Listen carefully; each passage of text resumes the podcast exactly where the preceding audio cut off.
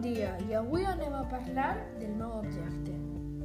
El meu objecte té més de 200 anys i va ser de l'abuelo del meu bisabuelo.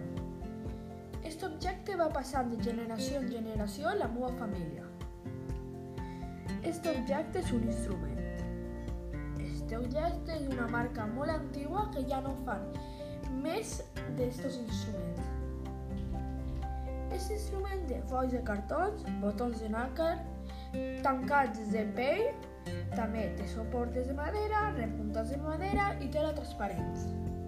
Aquest objecte és de color marró i negre. També, aquest objecte té adornats dorats i platejats. Aquest objecte és d'un tamany medià i no pesa ni poquet ni molt.